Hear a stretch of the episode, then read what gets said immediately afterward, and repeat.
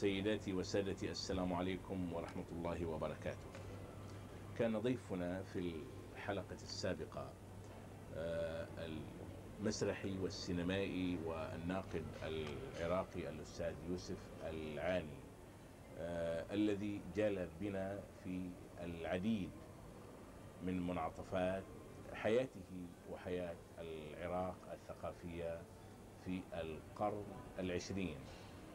اليوم معه نكمل الجانب المتعلق بتجربته المسرحية السينمائية عفوا حيث آه، عمل آه، بطلا محوريا في أول تقريبا فيلم عراقي هو سعيد أفندي سنة 1957 من إخراج كاميران حسني. آه، أستاذ يوسف أهلا وسهلا بك. أهلا بيك. ولنبدأ بالحديث عن هذه التجربة. وقت ذاك كانت العيون متعلقة بالشاشة المصرية وكانت الأسماء يعني المصرية هي الغالبة والمهيمنة والمسيطرة. فكيف استطعتم أن تخترقوا آه، يعني هذه السطوة السينمائية المصرية التي أثرت حتى على تشكيل آه، بعض اللهجات العربية. الحقيقة أنا أستعير قول يوسف شاهين أو من يوسف شاهين الذي شاهد هذا الفيلم. طبعا معروف كيف يتعامل يوسف شاهين مع نعم. أصدقائه وزملائه شتمنا. بعد أن شاهد الفيلم مم. طبعا ما أجرى أقول نعم. المفردات لكن قال لماذا لم تستمروا على هذا الخط بعد هذا الفيلم الذي قدم في الوقت اللي هو قدم به فيلم باب الحديد باب الحديد نفس الفترة الزمنية.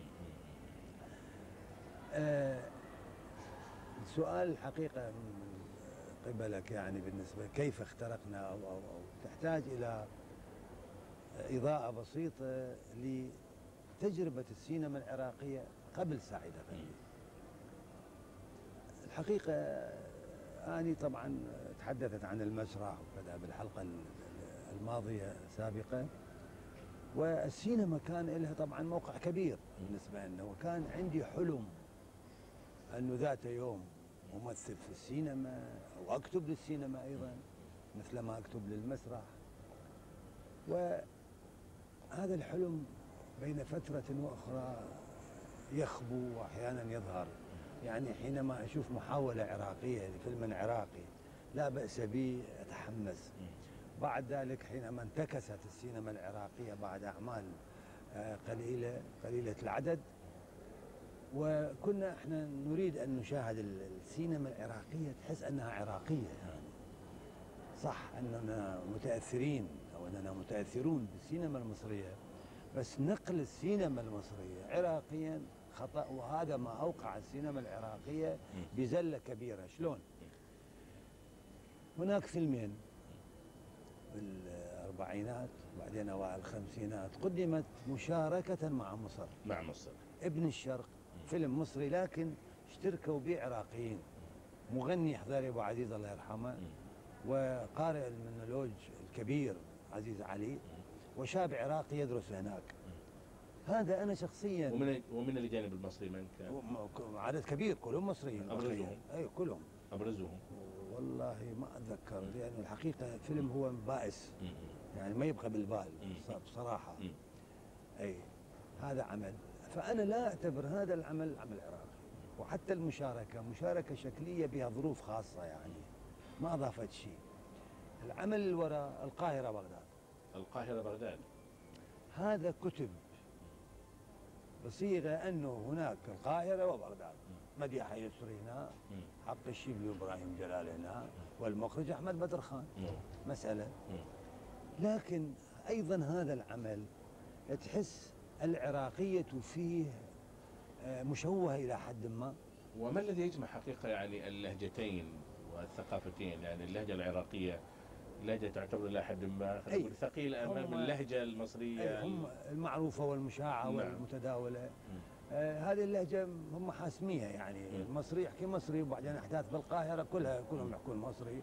والعراقي يتمصرا يعني, يعني يحاول أن يكون مصريا إلى آخره.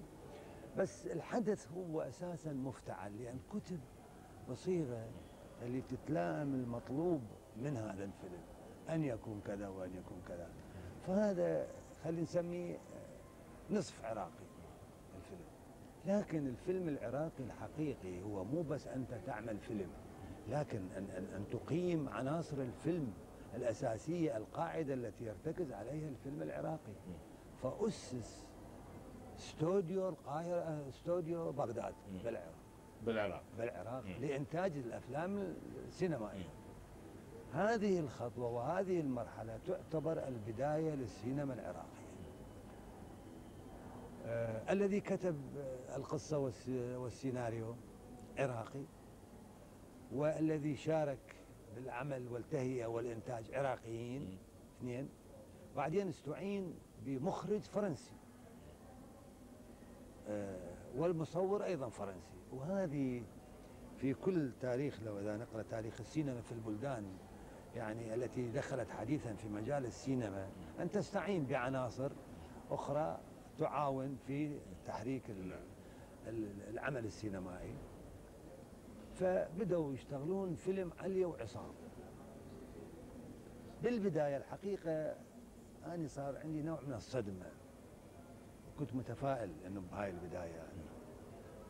لأنه حسيت في تقليد للفيلم المصري من حيث الموضوع. أنه حبيبة و... حبيبة وعشائر وكذا وبالأخير شلون بالأخير أنا ما أدري. بعدين اكتشفت نقطة بعد أن شاهدت الفيلم أن هناك فرق بالرؤية للموضوع السينمائي المطروح بالفيلم. بالأفلام السينمائية العراق المصرية تشوف بالأخير تنتهي بفرح وكذا وشنو أو تنتهي تنتهي بمأساة و يعني يبدأون بشكل صح لكن أن كيف تنهي الفيلم وكيف تتوصل إلى نتيجة خلينا نقول شبه تربوية أو شبه فنية عالية بحيث بها حس إنساني بها بها إلى آخره. علي وعصام عمل هذا الشيء. وطبعا الذين شاركوا بالتمثيل عناصر مثقفة لأنهم كلهم خريجي معهد فنون جميلة من هم؟ إبراهيم جلال على رأسهم. آه، وجعفر السعدي أيضا وعبد الله العزاوي ويحيى فايق مجموعة مجموعة خبراء بالمسرح العراقي. لذلك ساد الفيلم آه، صي- أو سادت صيغة مسرحية بالأداء التمثيلي. لكن في اتقان يعني ما في تهريج. حتى الكوميدي عبد الله العزاوي كان عنصر كوميدي. آه، قلد به الفيلم المصري أنه لازم واحد يضحك. كان مقبول. والفكرة كانت فكرة تقدمية في رأيي. هو عدم الثأر والقتل. في مجتمع عشائري أي نعم. طرح فكري عالي يحترم وتربوي وهو م- متقدم يعني بصراحة. ميز هذا الفيلم عن الأفلام المصرية بهذه الناحية. فأحنا استبشرنا. إنه يكون أول إنتاج آه، لاستوديو بغداد هذا الفيلم. وانتظرنا وأنا كنت أنتظر. الحقيقة ما أريد يعني ما أريد أتقدم. لأنه كان علي وعصام طالبين وجوه جديدة وكذا. أنا ما قدمت شوية كان عندي نوع من الاستعلاء بصراحة يعني. كنت ممثلا معروفا. بالمسرح بس. نعم بالمسرح، بالمسرح. بالمسرح نعم. وبالمسرح وين؟ داخل كلية الفنون آه، داخل عفوا. كلية الحقوق وداخل داخل الجامعة. لأن إحنا بالعراق آه، هاي فاتنا أن نذكرها بالحلقة السابقة أنه المسرح المدرسي لعب دور. يعني ما كان في آه، صالات أو قاعات موجودة لا لا موجودة. في خارج المدارس أو الكلية؟ لا لا لا لا مو مو هذا قصدي. قصدي يعني مو عبر فرقة. أو محترف وإنما إحنا هواة. إحنا الهواة اللي جبر الخواطر مثل ما ذكرتها. فأنا معروف. بالجامعة آه، يأتون طلاب يحضرون هذه العروض. فبهالحدود أنا كنت معروف بس ما كنت مقتنع بالعملية الحقيقة. الحقيقة يعني وبعدين أنا ما محتاج أسرع. خليني. فبعد هذه هذا الفيلم الذي حصل عادت المحاولة إلى تقليد الفيلم المصري بسوءاته وليس بعناصره الجيدة الجادة والإيجابية. فكان فيلم اسمه لبناني في الجامعة. لبناني في الجامعة. مشهور محمد سلمان. نعم. إنتاج قدم في مصر. ونجح. يقول لك ضرب شلون شو يسموهم؟ شباك كسر الشباك. شباك تذاكر. فإجوا وسووا فيلم نفس الشيء. إنه واحد عراقي وكذا ونفس الصيغة ونفس الأسلوب ومع الأسف ورحمة الله عليه. المخرج كان أحمد كامل مرسي وهذا الشيخ المسرحيين افترض وهذا شيخ السينمائيين. هذا الرجل مع الأسف أخذ وجيء به ليخرج الفيلم. وكيف قبل هذه الصيغة وترك الحبل على الغارب؟ للآخرين هم حتى بالإخراج كانوا هم يخرجون. وطلع الفيلم نكسة. وكانوا يعتقدون أنه راح يكسر الشباك فكسر رؤوسهم لأنه لم يأتي جمهور آه، لأنه ليش يجي يشوف هذا الفيلم؟ وفي فيلم لبناني في الجامعة اللي هو طبعا إتقانا أحسن وتأثيرا أكثر وبمجالات آه، حلوة وجميلة يعني ينبسطوا لها الناس. إذا لماذا نجح فيلم سعيد أفندي؟ وما هي عناصر وهو النجاح ده أقول؟ لك راح أوصل لك إياها. هو وصلنا إحنا مم. فإحنا صار لنا موقف من كل هذه المحاولات لأنه نزلوا منه للساحة؟ نزل المغامرون. هذا يبيع بيته حتى ينتج فيلم لين يربح. و- والى آخره. إحنا كان لنا موقف وكنا نصر على أننا نبدأ من النقطة الصحيحة والنظيفة وال وال وال إلى آخره. آنذاك إحنا كنا متأثرين بالسينما الإيطالية والتي أخ... طرحت الواقعية الجديدة في السينما الإيطالية واللي هي متأثرة طبعا بالواقعية الاشتراكية. إحنا متأثرين بهذه الأفلام إلى حد ال... يعني الإعجاب الكبير. وكنا نتابع ونشاهد السيكا وزفاريلي و... وروسليني والأفلام هذه. فكان عندنا حلم إنه نعمل فيلم هذا لأن هذا دا ياخذ المجتمع ماله ويعكس لك اياه عكس فني آه، إنساني عالي. فعملنا شركه صغيرة. وهذه الشركة كانت الحقيقة بلا فلوس أول مرة وأنا أقدر أسميها شركة فكرية. نناقش ماذا نستطيع أن نعمل. وصل العراق عبد الجبار ولي درس السينما في أمريكا. مم. هذا عام كم؟ يعني وصل عام هذه كم؟ عام ال 55 54 50 وبدأ يعمل فيلم. أنا شخصيا دعيت إلى الفيلم. وكنت أنا هناك في تلك الفترة بالمسرح لامع كانت اعمل أعمال مسرحية عملت ضجه بال وهو شافني جبار فأراد أن أك- أكون ممثل بس توليت مثل ما نقول بالإنجليزي متأخر لأنه وزع الأدوار. حسيت الفيلم أيضا بتقليد للفيلم المصري وبمأساوية الفيلم المصري وبالأخير البنت تموت ويعني هذا طبيب يغازلها ويعني شغلات مكررة. ميلودرامية. اي مع ميلودراميه ضبط. اجى مخرج درس الإخراج أيضا في أمريكا كاميران حسني. اجى وتعرفنا عليه. هذا الرجل آه، أول ما دخل أصدر مجلة السينما. طيب أنا سألت قلت إحنا ما عندنا سينما. اللي يطلع مجلة عن السينما غير عنده سينما فاني الحقيقة ما عرفت هدفه بل بعدين بديت ألتقي به. فمصر على الجريدة المجلة وتعالوا اشتغلوا وياي بدينا نشتغل وياه إحنا نكتب. فتح لنا يعني صفحات. نتحدث ما نريد إلى آخره. وبدأ يتحدث عن حلم أن يعمل فيلم. اختار قصة بعدين رفضها بعدين اختار قصة اسمها شجار.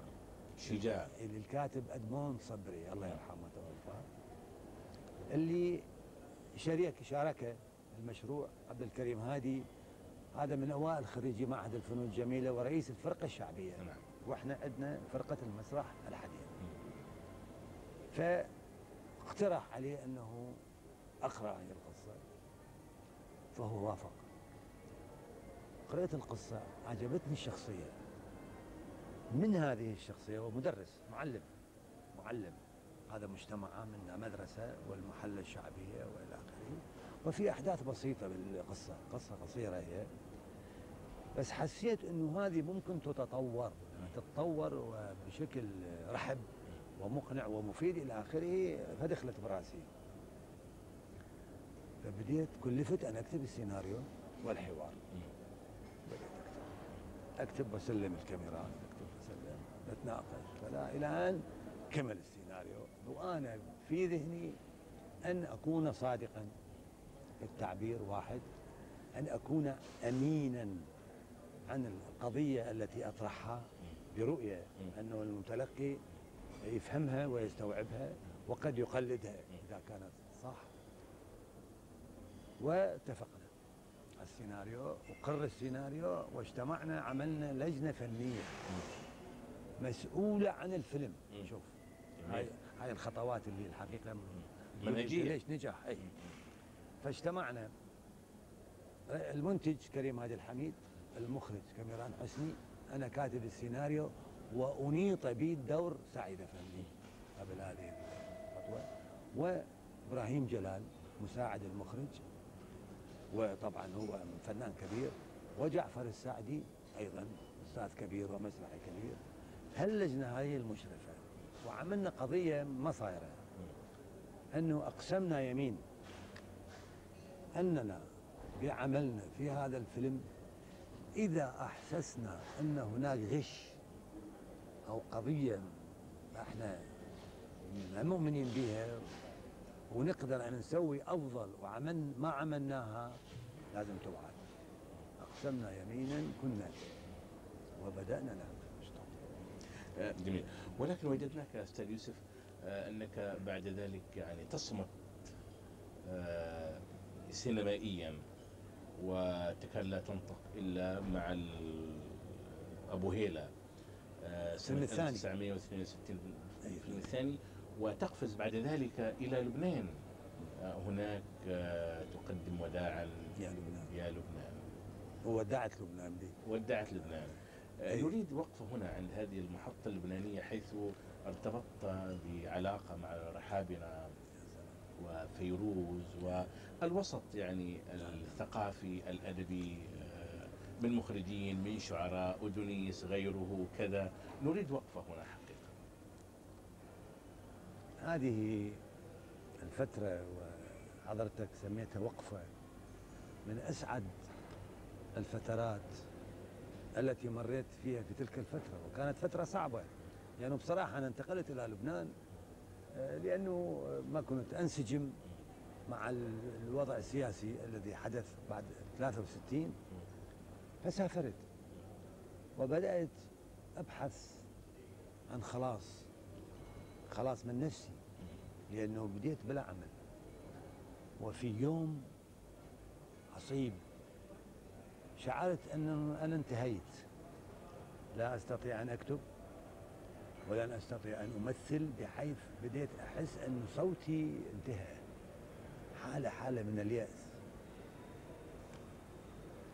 وفجأة جاءني بعض أقاربي ابن أخويا وابن عمي.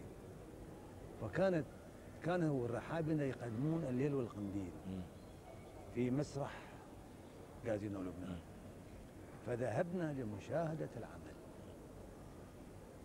وفوجئت بمسرح غنائي مذهل وإمكانات وكفاءات كبيرة ممكن أن تكون ريادية في مجال هذا النوع من المسرح لكن هناك ملاحظات أعتقد لو غيرت أو انتبه لها لصار العمل أكثر عمقا وأكثر فنية بمفهوم المسرح مش بمفهوم الغناء لا أنا لن أتجرأ وكنت شاهدا على يعني هذه كنت مراقبا لها؟ أي طبعا.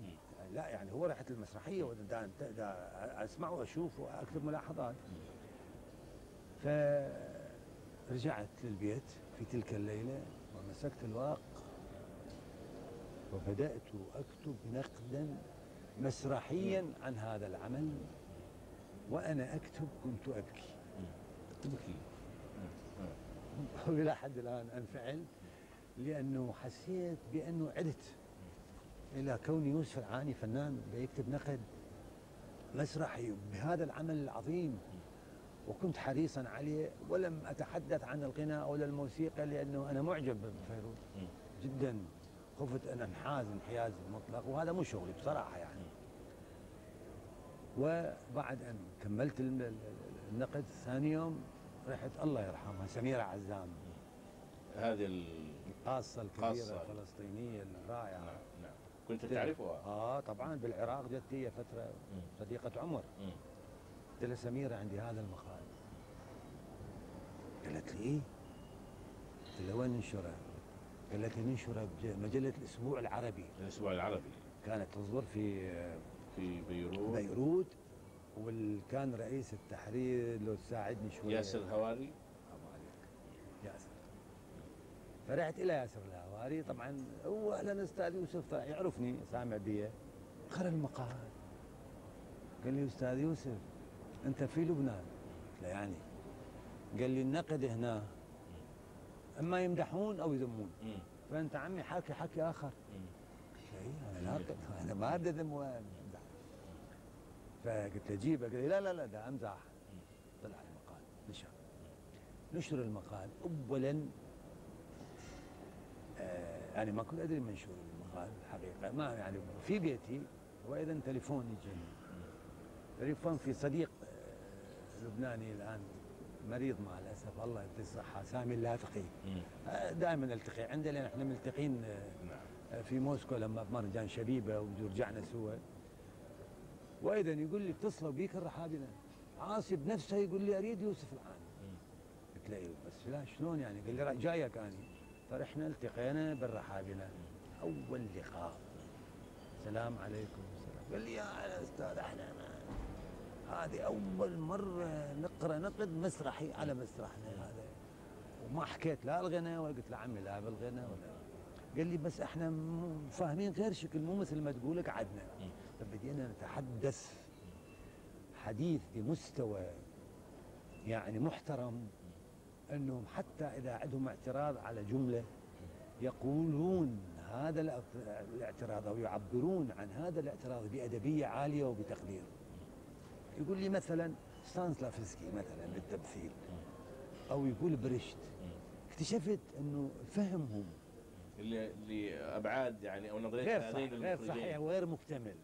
فأبدي أنا أتحدث مثلا أول ملاحظة قلت لهم إخراج مسرحي ما موجود وقاعد صبري الشريف. هل تريد القول بأن الرحابنه كانوا يفتقرون إلى يعني ثقافة فنية مو فنية على لا صعيد يعني تصميم لا، ال- المسرح. الأعمال المسرح. المسرحية؟ المسرح كمسرح. فيما يتعلق مثلا بتقنية الإخراج مثلا؟ إخراج ما عندهم لا ما يعرفون. لذلك صبري الشريف مخرج موسيقي. أستاذ صبري الشريف هو يخرج أغاني آه، فيروز وعنده حس موسيقي عالي عالي جدا بس ليس مخرج مسرحي. وهو موجود صبري الشريف. قلت لهم أنا أقترح أن يكون في كل عمل من أعمالكم المو- المسرحية مخرج مسرحي بالإضافة إلى صبري الشريف اللي هو مخرج موسيقي. اذا لماذا لم تتم الاستعانة؟ بخبرة يوسف العاني لماذا لم يدخل يعني في عمل لا، مشترك لا هي بينه وبين الرحابنه لا لا هم هم عندهم يعني عندهم مكتملة الشغلة يعني هم كاملين. ولذلك أنا بقيت فعلا مستشار. مم. لأنه أنا ردت مخرج ممارس للإخراج محترف ولبناني فجابوا برج فازليان.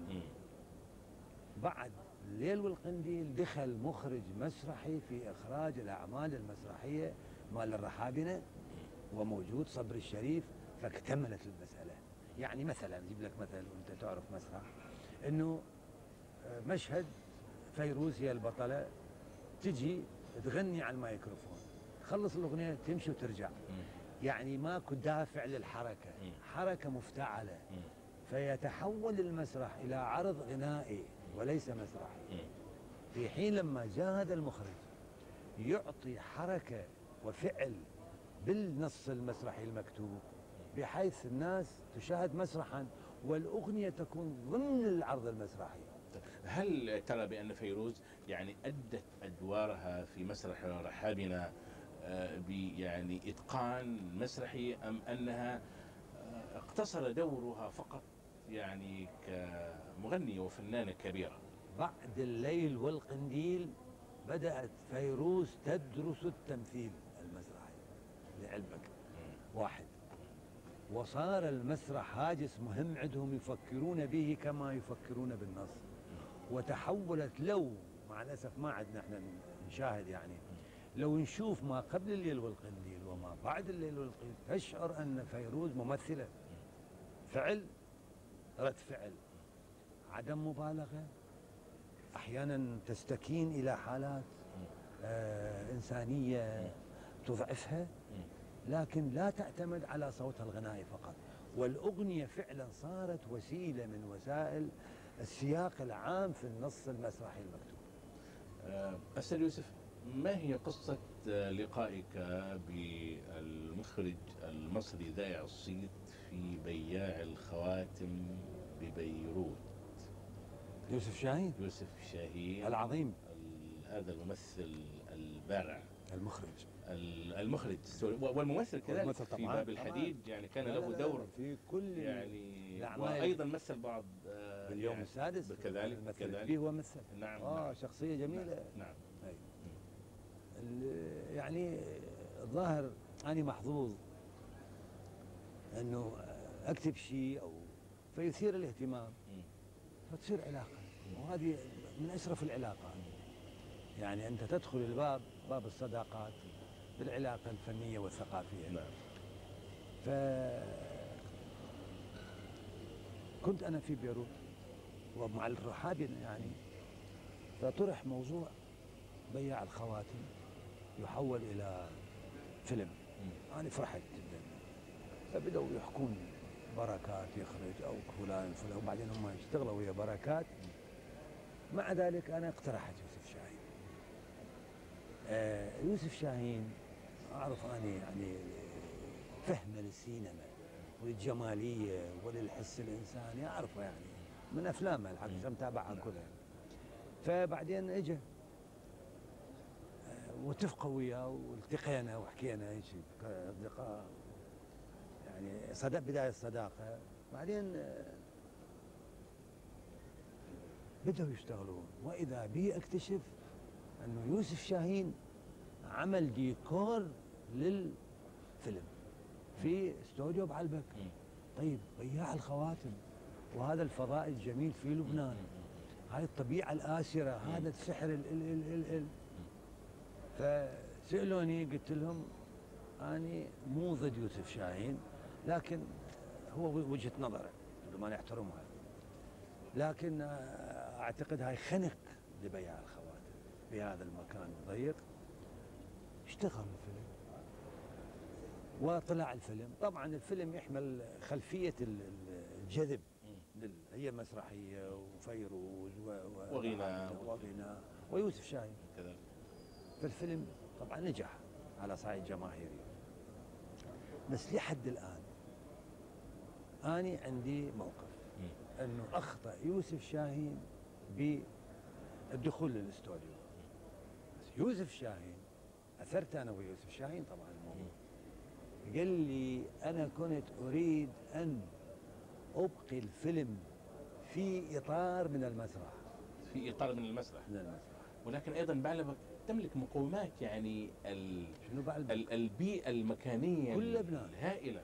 كل لبنان تحديدا يعني بين بين يعني تلك يعني الأطلال الرومانية. بس هو يعني يقصد إنه الديكور. آه، المشاهد يريد أو لا يريد. يعني يشعر إنه هذا ديكور. والمسرح ديكور لازم دي. فيبدو عنده هذه الوجهة وتحترم يعني. بعدين يوسف شاهين بعد ما التعارف هذا اجى لبغداد فرآني على المسرح. في أكثر من مسرحية. فإجا علي قال لي أنا عندي عمل أريدك تشتغل به.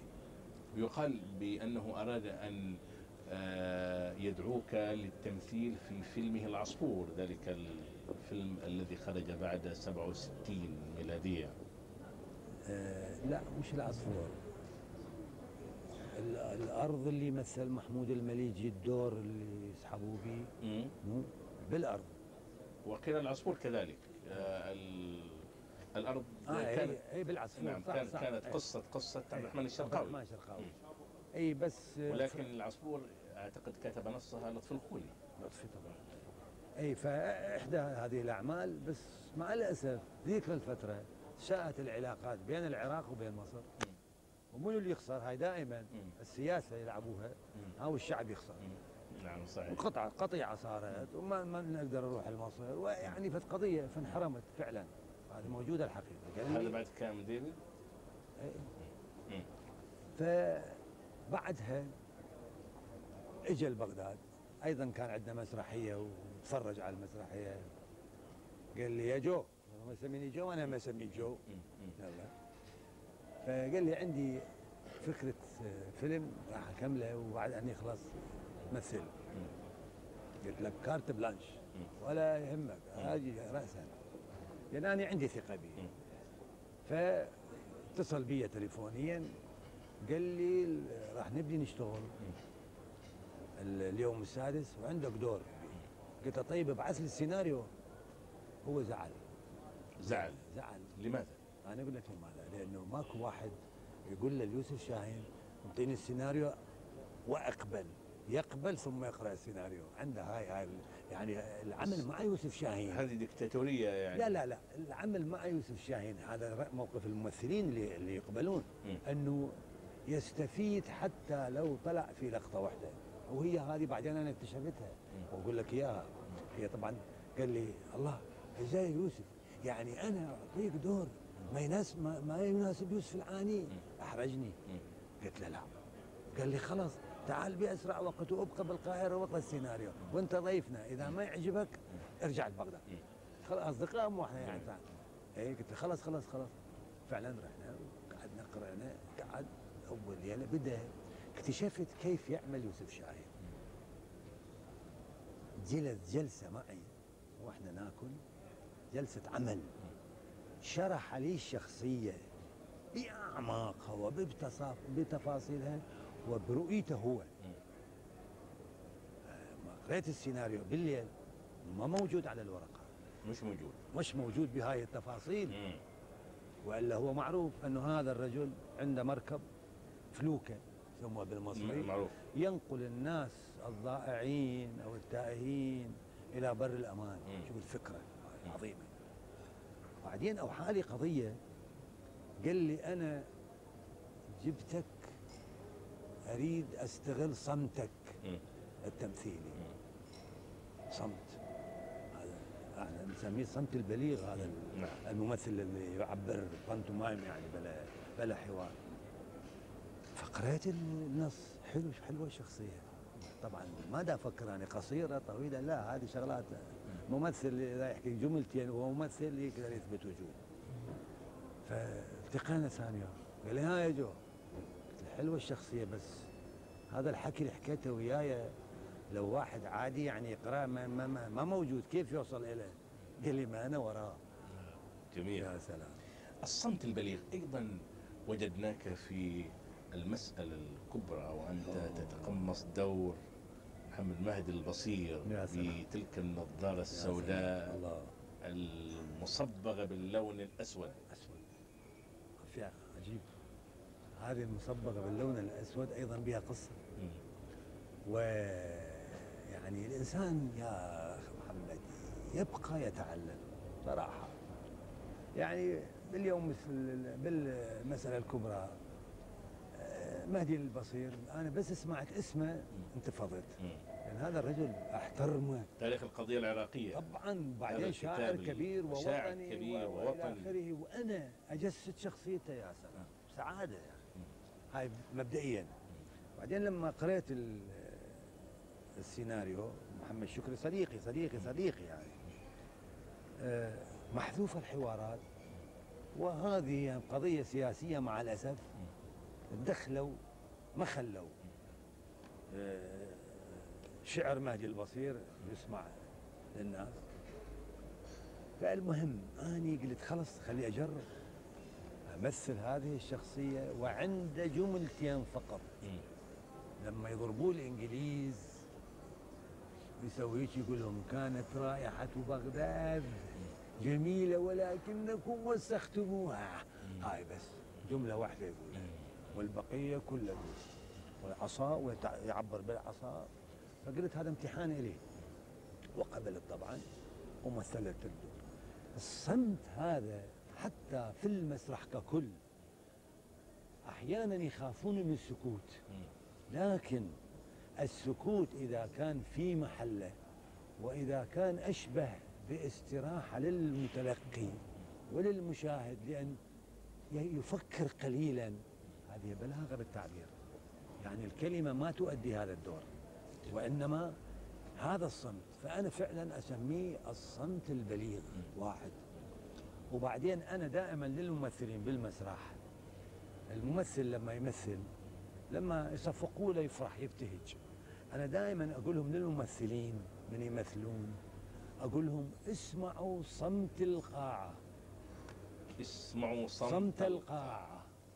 لأنه حينما تصمت القاعة وتصنت القاعة معنى ذلك هي متعلقة بما يجري على خشبة المسرح. تنصت متأملة تشاهد وتسمع. إن لم يكن حوار أنا كان هناك.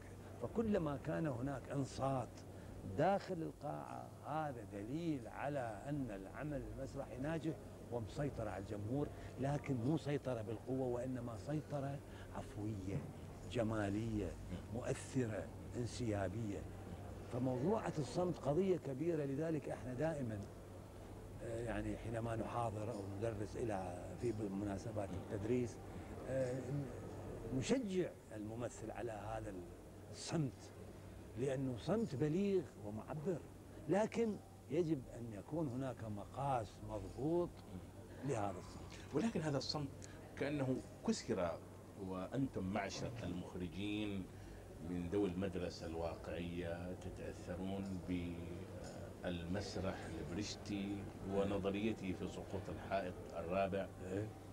وضرورة إشراك القاعة بالمنصة. آه، على هذا الصعيد أيضا للأستاذ يوسف العاني آه، دور هنا.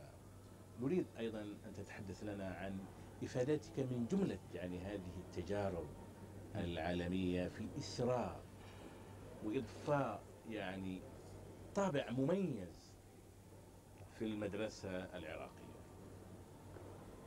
آه، الصمت موجود في المسرح البرشتي ومطلوب أيضا ولكن ما قلت أنه يجب أن يحسن استعماله واستغلاله. وبرشت هو طارح أساسا بفكرة وبمسرحة فنيا. فن المسرح وفن المشاهد. يعني القاعة لها فنون التعامل وتعامل المشاهد مع المسرح. لأن هي مسرح برشت ليس إثارة عاطفية بقدر ما هو إغناء فكري للحالة المطروحة أو المشهد الذي يقدم أو يقدم أو حتى الجملة. فإحنا الحقيقة ابتداء وقبل أنا ما أسافر إلى ألمانيا وأدخل البرلين الأسام اللي هو مسرح برشت وأتعلم بطريقة تطبيقية وليس طريقة تنظيرية بالكتب. ولعلمك وهذا لا يزعلون مني المثقفين الذين يقرؤون المسرح ويعتقدون أنهم تعلموا المسرح. لا. المسرح دون تطبيق لا يمكن أن يستوعب. أنا رحت إلى برلين والتقيت بهيلينا فايجل 1957 57 ولا أعرف من بريشت سوى الاسم. وحينما سألتني ماذا تريد؟ قلت له أريد أن أتعرف على مسرح بريشت في ذلك الوقت؟ في ذلك لم يعني تعرض مسرحيته دائرة الطباشير القوقازية آه، على مسرح الجي في القاهرة. لا ما كانت. نعم. بعدين شفتها أنا بالقاهرة والحقيقة وقتها ما عجبتني. المهم فقلت لها برشت طيب شلون يعلموني برشت؟ يعني يعني مو يعلموني وإنما يعرفوني. مم. فبدات تسألني أسئلة إنه المسرح أنت المسرحيه تعرفها العالمية؟ قلت لهم عطي. فسألني فيكفرت هو المخ أول مخرج مخرج كبير أظن، انه أنتم شلون تحللون عطي؟ فقلت له انه عطي انسان صاحب حق وياقو اسائله وكذا. قال لي لا إحنا نطرح هالشخصيتين في صراع فكري بيناتهم والجمهور هو يقرر هذا مو حق أو ذاك. خلاص. ما نحن ننطي لي قدام القضية مكشوفة وإنه هذا استغل كذا ودزدمونا إلى يعني فبدت من هذا المدخل. كانوا يخوفونه من برشت هذا معقد ابدا ما معقد بس عميق. يا عمي هو عميق. فيجب أن يبحث بحثا مستوعبا ومستفيضا وأن يشاهد مسرحه. فإحنا لما قدمنا بال 74 بنتولا وتابعه ماتي. وأنا مثلت بنتولا وابراهيم جلال اخرجها وهو درس برشت ولو درس في أمريكا. ال- البرشت فبعض النقاد كتبوا ملاحظات ضد اجزاء من العمل وهي في صلب العمل البرشتي ما يفهموها هم لأن هم قاريها على الورق ومتخيليها طيب، على هذا الصعيد كيف تقيم مثلا اهتمام بعض المخرجين المغاربة؟ نعم. آه، كالطيب الصديقي مثلا. صديقي. الذي حاول الإفادة من يعني الأطر الإخراجية الفرنسية والعالمية وتطبيقها على نصوص أو موضوعات تراثية ما- مقامات بديع الزمان مثلا. شايف من كل أعماله. إيه. أنا طيب صديقي صديق صديقي صديقي وشايف كل أعماله. الطيب الصديقي ما طبق الأساليب اللي تسميها فرنسية وكذا على التراث وإنما في رأيي استفاد من هذا الأسلوب أو هذه المدرسة لتحريك النص المكتوب اللي هو مقتبس أو مأخوذ من التراث العربي. وكان ناجح. وهل يعني في هذا التراث العربي يعني ممكنات فنية لمسرحة؟ طبعا بإمكانها أن تأخذ بفانين النظريات الإخراجية الحديثة؟ إحنا النظرية الحديثيه الحديثة عفوا. نستطيع أن عرفنا كيف نستفيد منها أن يعني نتلاعب بها بالصيغة التي تخدم النص المكتوب. وأذكر لك حادثة. حينما قدمنا بنتلا وتابعه ماتي اللي كتب خلينا لها عنوان البيق والسايق في دمشق كان ألماني مدير فرقة بايمر. موجود قدم عروض. بعد ما انتهت المسرحية وأنا دا أعمل أمسح مكياجي طرق الباب تفضل دخل هو وقف عمل لي كذا. هو أنا أعرفه مخرج كبير قال لي أنا جاي أحييك لأنه أحييكم كلكم لأنه حسيت هذه المسرحية اللي كاتبها برشت هي مالتكم. نصا. جميل. لا ما قضية كبيرة.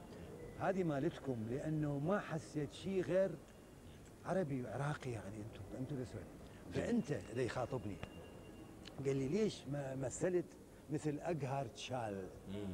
أقهر تشال هم صاحبي صديقي أعرفه أنا كنت أروح وألتقي به هذا الستار مال البرلين الأسام هذا هو مثل دور بنتولا فقال لي أنت شايف الأقهر شال من مثل بنتولا قلت له إيه؟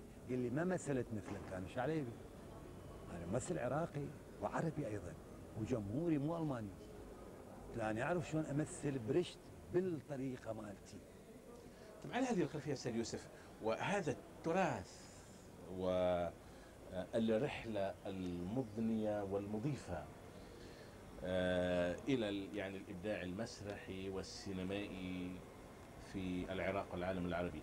كيف قبلت أن تمثل دور الحوذي في فيلم الملك غازي سنة 1992 وقد رؤي بأن هذا الفيلم كأنه كان عبارة عن يعني عمل من أعمال البروباغندا الإعلامية التي حاول يعني النظام السابق أن يعني يقدمها وقد استدعى هذه الشخصية شخصية الملك غازي فقط بوصفه مواجها للبريطانيين ومتعاطفا حسب ما قيل في وقته أو في زمانه مع ألمانيا الهتلرية.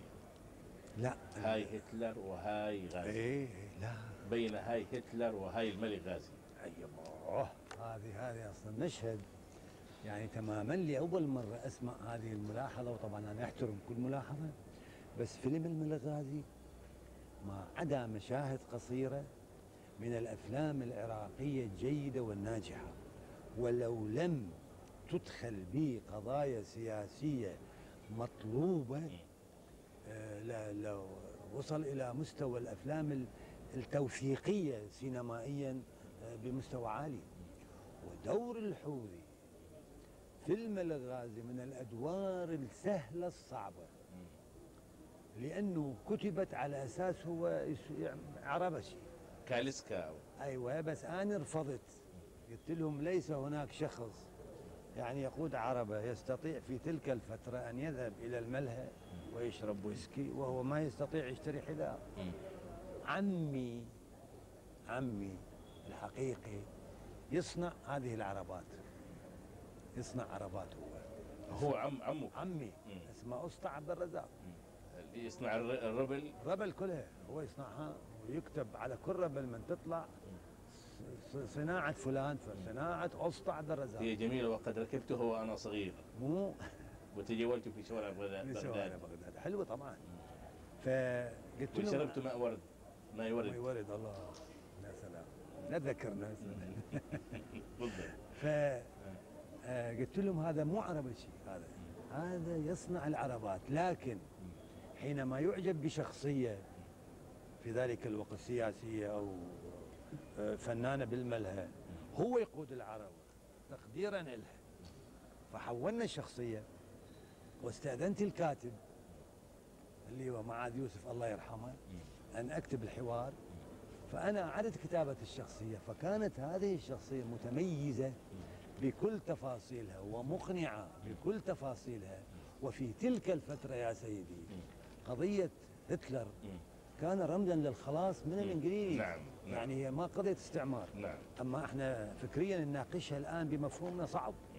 إذا فلذلك أنا قبلت الدور وأعتقد وأعتقد وعيب أحكيها أنه أنا أبدعت في ذلك الدور. الوقفة الأخيرة مع تلك المذكرات التي افتقدتها وكنت قد حسبت أنها قد احترقت بعدما اشتعلت بغداد مع سقوط آه، النظام. نظام صدام حسين. آه، يبدو أن يعني هنالك ما ورائية وراء يعني يعني يبدو أن لك معلومات آه، ما اكتشفت بك حينما جلسنا للحديث. يعني هذه معلومة. لأن أخيرا حدثت. أنا في الحلقة الأولى يمكن ذكرت أنه أنا أكتب مذكراتي نعم. منذ أن كنت فعندي المذكرات الجزء الثاني القسم الثاني. ففيها تفاصيل يعني. فمرة أخذتها معي أنا طبعا في بغداد رئيس المركز العراقي للمسرح ال ITI فأخذتها لمكتبي في السينما والمسرح. الحقيقة طلعت بعض المعلومات استفدت منها بس صار حدث يعني زوجتي تمرضت وما كنت أروح وسافرت خارج العراق. فبقت هذه المذكرات في مكتبي هناك. وصارت الحرب. وبعد ما انتهت جيت أنا للمكان هذا حتى أستعيد المذكرات مالتي. حتى أدخل قالوا لي وين أستاذ يوسف؟ قلت لهم الطبق الخامس. قالوا لي يا خامس؟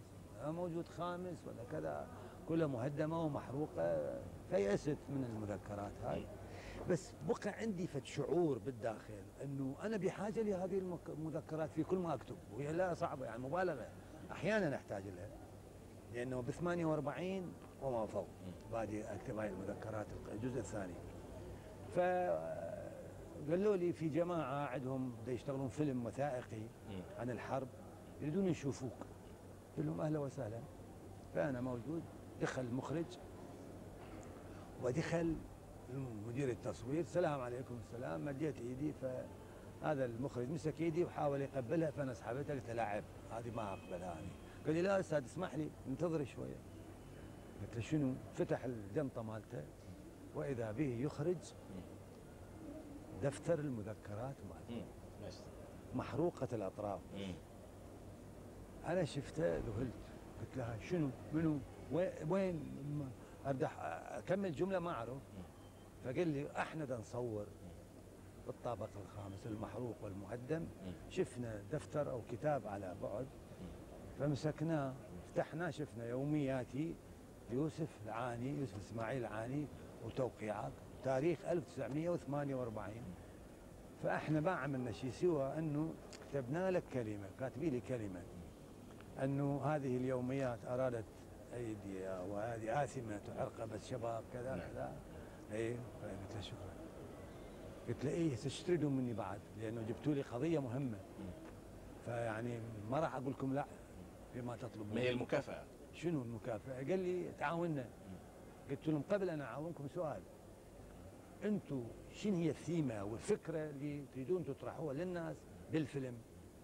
قال لي يريدوا نقول بالفيلم إحنا يعني العراق ما نستحق بالشيء اللي صار بينا. قلت له جيب إيدك. موافق. أقعد. قال لي مو بس تعاوننا إحنا نريدك تمثل شخصية أبو شاكر. جميل. هذا أبو شاكر عمره بقد عمرك. وهو ماشي يعني عمره مرافق من زمن الملك فيصل الثاني إلى إلى ما حدث الآن. فأنت تمثله. قلت له هذا موضوع ثاني. جيب السيناريو أقرأ الشخصية ونتناقش. فأنا أخذت السيناريو قريته راسا غيرت السيناريو. بعض المشاهد طبعا بعد أن استأذنت منهم وكملنا وبدأنا نشتغل بالفيلم.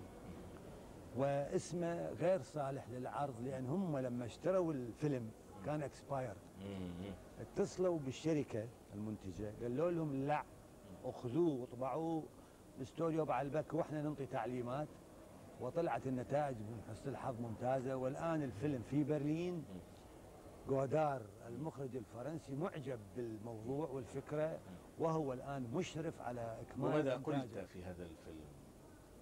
قلت قاله العراق كله. وكان أصعب مشهد بالنسبة لي أدخل على هذه السيدة وأفتح الباب وأقول جملة واحدة كسروا باب المتحف. كسروا باب المتحف. واحترقت بغداد. واليوم العراق كله يمر بهذا الزلزال المدمر. يا ترى من هو المتسبب في هذا؟ سيد يوسف في نهاية هذا اللقاء لا يسعني إلا أن أشكرك وقد قدمت لنا هذا العرض المثير لتاريخ التجربة الثقافية مع قيام الدولة الوطنية الحديثة التي انهارت مؤخرا في العراق. شكرا لكم سيداتي وسادتي وإلى لقاء آخر. والسلام عليكم.